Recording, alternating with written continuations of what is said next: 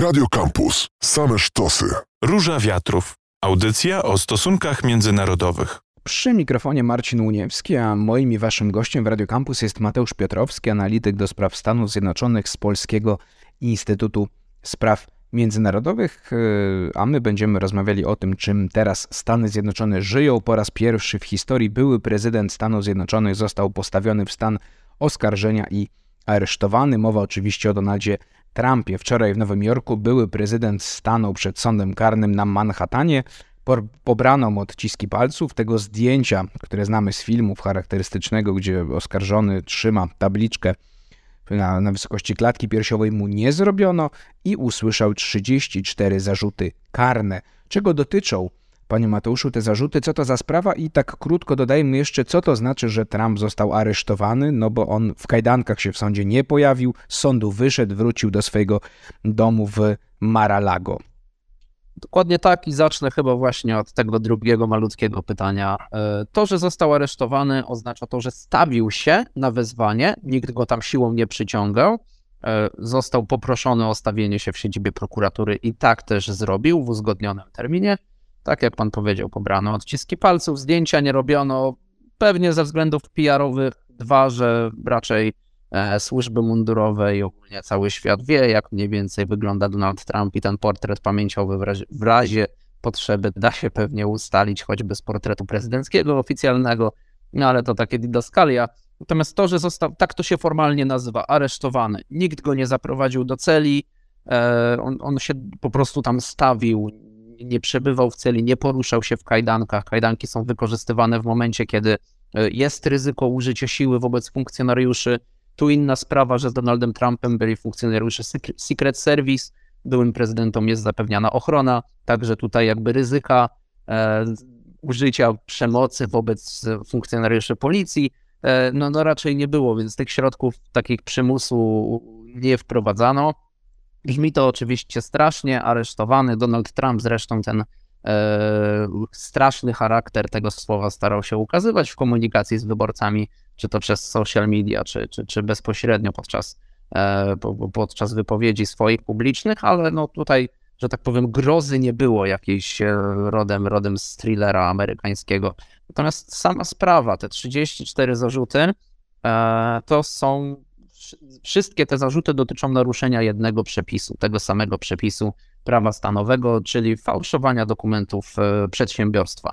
O to się cała sprawa rozbija, a te fałszowanie dokumentów e, dotyczy no, błędnego, po prostu błędnego umyślnie, tak dowodzi prokurator, umyślnie błędnego księgowania pieniędzy, które otrzymywał w okresie już, kiedy Donald Trump był prezydentem, bo od lutego 2017 do końca roku, do grudnia 2017 pieniędzy, które no, formalnie były zapisywane jako wynagrodzenie za świadczenie dodatkowych usług prawnych przez Coena, ale tak, ale w praktyce miały, w praktyce miały stanowić e, no, refinansowanie Coenowi środków, które on wyłożył wcześniej w trakcie kampanii prezydenckiej w 2016 roku, by opłacić milczenie E, były aktorki filmów pornograficznych e, na temat jej relacji z Donaldem Trumpem, jej relacji seksualnej, bo oczywiście, która miała miejsce w trakcie, gdy Trump był e, w małżeństwie już z Melanią Trump. Nie chciano, by ta sprawa wyszła na jaw, więc zdecydowano się opłacić milczenie. Cohen został za tą sprawę skazany. To była kwestia naruszenia błędnego wykorzystania właściwie środków związanych z kampanią, odbył za to już karę i Cohen jest właściwie głównym świadkiem prokuratury Manhattanu, e, zeznając przeciwko Trumpowi e, w, te, w tej sprawie. Także tutaj w pewnym sensie nawrócenie czy zmiana absolutnie, absolutnie stron przez Coena. Natomiast e, zarzut stawiany Trumpowi no jest czysto, czy, czysto księgowy. Chodzi o to, jak te pieniądze były zaksięgowane. Nie zawarł de facto Trump żadnej umowy z Coenem, jak, jak to było przedstawiane. Te środki pochodziły z, z konta wpierw firmy Donalda Trumpa, ale także z jego prywatnych środków. E, już w trakcie, kiedy był, był prezydentem, prokurator Manhattanu dowodzi, że tutaj te zarzuty prawa stanowego są takie, jakie są, czyli właśnie te, te, te 34 zarzuty sfałszowania tej dokumentacji, natomiast, że ostatecznie jest to szerszy układ, który miał na celu no, kontrolowanie wizerunku prezydenta, nie wypływanie niesprzyjających e, jego wizerunkowi informacji. Tutaj powiązane są też dwie inne kwestie, no może nie pomniejsze, ale w których e, Cohen i Trump nie są bezpośrednio zaangażowani, bo tam e, amerykański tabloid National Enquirer odgrywał, że tak powiem, pierwsze skrzypce, ale odgrywał je w komunikacji także z Trumpem i Cohenem, więc to jest powiązane jako kontekst, natomiast te, ta, ta sprawa Cohena i tego refinansowania, że tak powiem, jego, jego portfela jest tutaj centrum uwagi. Trump mógł usłyszeć zarzuty dzięki decyzji Wielkiej Ławy Przysięgłych. Wytłumaczmy słuchaczom, jak działa ta instytucja i jakie ma umocowanie w amerykańskim systemie sprawiedliwości, że postawiła mm, e, przed sądem byłego prezydenta. No, Wielka Ława Przysięgłych to jest w ogóle osobna instytucja niż Ława Przysięgłych, która będzie w trakcie procesu stwierdzać o winie e, bądź braku winy e, oskarżonego. To jest osobna instytucja. Ta Wielka Ława Przysięgłych na samym początku stwierdza o sile materiału dowodowego, tego początkowo zebranego i w ogóle zasadności stawianych zarzutów. To znaczy, prokurator przedstawia zarzuty, oskarżyciel przedstawia zarzuty, a Wielka Ława Przysięgłych stwierdza, czy na podstawie przedstawionych jej informacji e, jest to w ogóle zasadny zarzut, czy też nie. Jeżeli nie, e, no to taki zarzut nie jest przedstawiany. Tutaj okazuje się, że w 34 przypadkach, bo każdy z tych przypadków musiał być rozpatrzony osobno, e, tak, że te tak to też działa w amerykańskim właśnie prawie i tak też będzie działała ewentualna kara. To, że dotyczy to naruszenia jednego przepisu, nie oznacza, że ta kara się yy, będzie się po prostu kumulować za każdym razem, mhm. kiedy, kiedy dojdzie do stwierdzenia winy.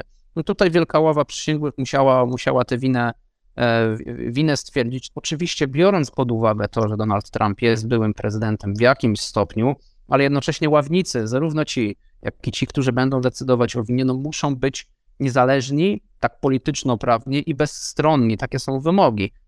E, a z, tak patrząc czysto, czy, czysto realnie, społecznie, no ciężko jest zachować taką niezależność w przypadku byłego prezydenta i obecnego kandydata na ten urząd. To jest jednak sprawa, sprawa bardzo trudna. Tutaj stawiamy na chwilę kropkę, do rozmowy za chwilę. A my rozmawiamy o Donaldzie Trumpie. Usłyszał 34 zarzuty karne. Stanął wczoraj przed sądem na Manhattanie. Mm, sprawa się toczy, będzie się pewnie jeszcze długo mm, toczyła. Jak na te zarzuty i aresztowanie zareagował sam Donald Trump, panie Matuszu? Bo on się do winy nie przyznał oczywiście, mm, e, tak mówią prawnicy, bo to z ich relacji wiemy, co się działo na sali sądowej. No a podczas przemówienia w Mar-a-Lago na Florydzie, już po powrocie z Nowego Jorku, no oskarżał i powtarzał te hasła o kradzieży wyborów. Trochę przerażająco, to znaczy to, że Trump atakuje te działanie wymiaru sprawiedliwości jako element nagonki na niego nie jest dla mnie osobiście zaskakującym. To właściwie retoryka, którą przyjął już w 2017 roku, kiedy wszczęto śledztwo specjalnego prokuratora dotyczące kontaktów jego sztabu z Rosjanami w trakcie kampanii wyborczej, kiedy właściwie później też zaczynały się te działania, które ostatecznie e, doprowadziły do skazania Coena. To wszystko znamy od początku jego prezydentury. To miało miejsce przy impeachmencie pierwszym, przy impeachmencie drugim, po protestach, protestach z 6 stycznia. Nie jest to nic nowego. Tak, apulowanie na, na czarownicę. Tak, tak, absolutnie, absolutnie uwielbiane hasło. Skądinąd nie tylko przez Trumpa, Richard Nixon też się wiele dekad temu nim posługiwał i nie skończył dobrze w historii amerykańskiej polityki. William Clinton, Bill Clinton, który też miał już na, na na karku specjalnego prokuratora przez okres długi swojej prezydentury też niekiedy się tym określeniem posługiwał, więc ono powraca co jakiś czas w amerykańskiej polityce. Natomiast teraz powraca no, ze zdwojoną siłą. Trump y, robi bardzo niebezpieczną rzecz, to znaczy atakuje i tutaj y, towarzyszą mu inni republikanie, właściwie ogromna większość republikanów, atakują bezpośrednio prokuratora, który oczywiście jest urzędnikiem wybieranym w wyborach i tutaj e, to jest pewna specyfika amerykańskiego systemu. E, można ich tutaj e, no, w pewnym sensie atakować, ukazywać jako powiązanych z, z konkretną partią, to jest odrobinę prostsze. Natomiast Trump atakuje też bezpośrednio sędziego, który został przydzielony do tej sprawy. To już jest machina wymiaru sprawiedliwości. Sędzia jest przydzielany w pewien sposób losowy. Oczywiście sprawdzana jest, czy, czy nie dochodzi do jakiegoś konfliktu interesów z powodu jego przeszłej działalności, może jakichś powiązań także prywatnych. Tutaj syn już Donalda Trumpa, sam Don Jr., e, atakował córkę sędziego, wprost publikując jej, jej dane, jakoby jej firma e, współpracowała ze sztabem Bidena w trakcie wyborów w 2020 roku, to po prostu dochodzi do bardzo niebezpiecznych wycieczek osobistych na tak wczesnym etapie tego śledztwa, e, czy właściwie tej, tej, tej sprawy, a nie śledztwa. Dopiero jesteśmy w momencie, no, pierwszym poważnym kroku postawienia zarzutów, e, a dochodzi do, do, do niebezpiecznych wycieczek, gdzie 6 stycznia, ja trochę może alarmistycznie będę brzmiał, ale protesty z 6 stycznia no jednak pokazały pewne ryzyka niemyślenia o komunikacji publicznej i tego, gdzie, nie mówię o ogóle wyborców Donalda Trumpa, ale gdzie poszczególne jednostki, fanatycy mogą się posunąć, jeżeli no, ukaże im się pewien świat nie do końca takim, jaki jest. No właśnie, panie Matuszu, mówiąc o, mm, mówiąc o, o, o, o podziałach, czy możliwych podziałach, jak ta cała sytuacja może wpłynąć na polaryzację w Stanach Zjednoczonych. No bo z jednej strony przeciwnicy i krytycy e, Trumpa cieszą się, że dosięga go sprawiedliwość, e, z drugiej strony jego zwolennicy e, i w partii republikańskiej, i też tacy uliczni zwolennicy krzyczą, że to spisek elit, że to deep state, zwolennicy QAnon, czyli tej teorii spiskowej, że to satanistyczne elity rządzą Stanami, no zyskali potwierdzenie swoich, swoich teorii. Czy to wszystko no, nie zaostrzy sporu, y, no, może nie dopro- oby nie, ale czy nie doprowadzi do jakiejś formy powtórki y, szturmu na Kapitol? Mam nadzieję, że do powtórki z Kapitolu nie dojdzie w jakiejś formie, ale ja nie widzę szans na to, żeby teraz polaryzacja nie pogłębiała się jeszcze bardziej. To znaczy, to nie, są, to nie jest tylko wąskie grono absolutnych zwolenników takich politycznych Trumpa, którzy rzucają się w jego obronie. E, potencjalni kontrkandydaci Trumpa w prawyborach stają w obronie byłego prezydenta, w tym Mike Pence, który były wiceprezydent, który dopiero co ośmielał się publicznie krytykować Trumpa za, za właśnie jego udział w 6 stycznia. Życie Pence'a było wówczas no, zagrożone. On jednak ewakuował się z kongresu e, przez takich fanatycznych wyborców Trumpa Pence jest uznany zdrajcą, e, za zdrajcę, za to, że certyfikował wyniki wyborów, które dały zwycięstwo Joe Bidenowi. E, I proszę mi wierzyć, że naprawdę są takie osoby w Stanach Zjednoczonych, są osoby, w których, przed domami których wiszą banery z kampanii w 2020 roku e, z nazwiskiem Trumpa i Pensa, ale nazwisko Pensa jest po prostu zamazane. To jest, to jest zdrajca dla Trumpistów. I nawet taka osoba staje w obronie Donalda Trumpa. Uważa, że to jest upolitycznione działanie wymiaru sprawiedliwości. E, stają też inni liderzy właściwie partii republikańskiej, szczególnie w Izbie Reprezentantów. Ci w Senacie, Mitch McConnell, whip e, republikanów w Senacie na razie tak spokojnie milczą e, na ten temat, nie do końca chcą zabierać głos, natomiast w Izbie Reprezentantów jest absolutna wrzawa, praktycznie każdy rzuca się na, na ten sam na to samo stanowisko, że Donald Trump jest atakowany. To jest upolitycznione działanie prokuratury Nowego Jorku, ale ona jest absolutnie kon- koordynowane z Departamentem Sprawiedliwości, z Partią Demokratycznej. Ma to na celu osłabienie kandydatury Donalda Trumpa i w ogóle osłabienie e, republikanów. Jeżeli tak duże poparcie polityczne buduje się samo z siebie tak naprawdę, bo Donald Trump no, nie, zakulisowo o nie nie zabiega, to, to sami republikanie dążą do tego, to no niestety mam taki ponury scenariusz w głowie, że ta, e, że ta polaryzacja ostatecznie polityczna to jest e, może mniej palący problem, po prostu nie będą się mogli jeszcze bardziej demokraci z republikanami dogadać, ale ta, ta polaryzacja społeczna będzie niestety dalej rosła i to jest trochę przerażający scenariusz.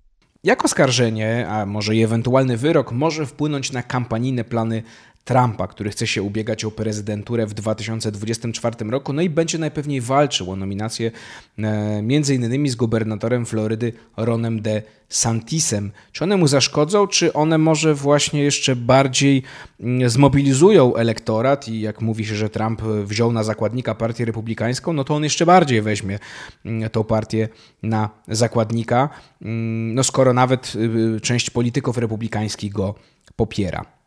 Na razie to tak absolutnie wygląda, że faktycznie jeszcze bardziej popieramy Donalda Trumpa, bo skoro jest osaczany z zewnątrz, to my musimy wykazywać coraz większe poparcie wewnątrz. Nie możemy się tutaj rozbijać.